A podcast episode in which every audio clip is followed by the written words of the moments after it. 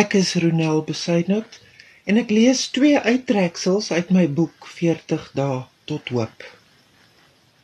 Ons, die 21ste eeuse mense, is nie goed met tussenin nie.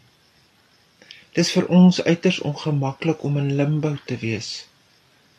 Ons wil weet waarheen ons gaan. Ons wil nie wonder nie. Ons wil weet wat die volgende stap is. Ons wil nie wag nie. Ons kan nie niks doen nie. Ons sukkel met onsekerheid. Ons sukkel met wag in die donker.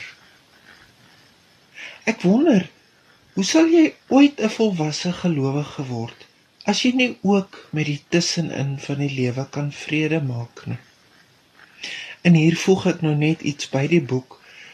Is hierdie periode van inperking nie vir ons ook maar 'n tussenin tyd nie? Dis 'n wag in die donker.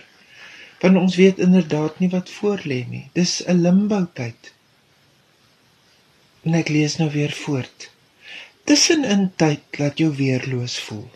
Jy weet nie watter kant toe nie. Dis 'n eensame tyd. In 'n wêreld van verslaafdheid aan besig wees en 'n strewe na oorlewing, ten minste oorlewing as dit nie sukses kan wees nie is daar min van ons wat tussenin verstaan.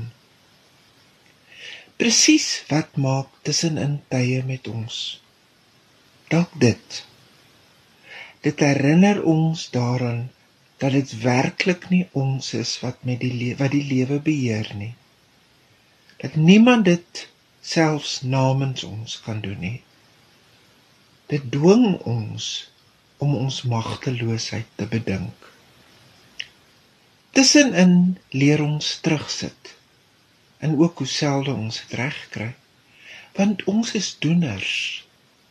Performance anxiety noem ons dit. As daardie son, die Sondagoggend na Jesus se kruisiging sy kop uitsteek, vroeg die môre, het die nuwe begin niks te maak met enige iets wat mense kon doen nie. Niemand kon daarop roem dat hulle 'n aandeel daaraan gehad het nie. En dalk is dit wat ons moet ontdek. Hoop is 'n geskenk.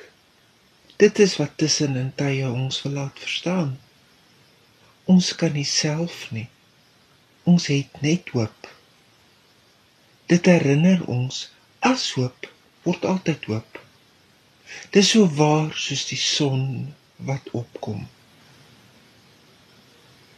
vandag 'n maandag en die wonderwerk en die stryd is dat ek weer kan begin. Ek beskou hierdie weer begin as een van die genadigste moontlikhede denkbaar. Die heilige Benedictus, die ou kerkvader, het gelowiges wat struikel en opstaan juis met hierdie woorde bemoedig. Dan begin ons maar weer. Al my goeie voornemens kan so maklik en gerieflik vergeete raak.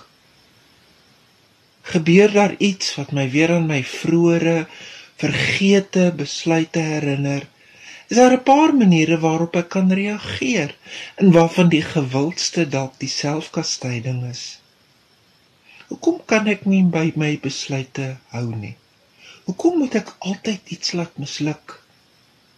'n Ander gewilde een is weer die van swaar hoogmoed las wat jy op jouself kom lê. Hoe kan God my weer 'n keer vergewe? Waarskynlik het die Christene in die 4de eeu met dieselfde probleem opgeskeep gesit. Jy sou verwag dat 'n belangrike kerkvader soos Benedictus sy gemeentelede behoorlik met die woord sou bykom, maar hy het nie.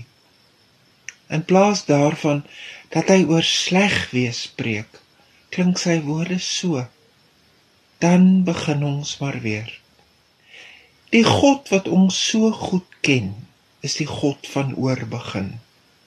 Die God van nuwe kansse. Van weer en weer en weer. Dis sekerlik wat genade beteken. Net soos hoop is genade 'n geskenk. Net soos hoop is oorbegin ook 'n geskenk. Geniet hierdie dag as God se geskenk. Leef die dag met hoop te midde van die onsekerheid. Dis God wat in beheer is.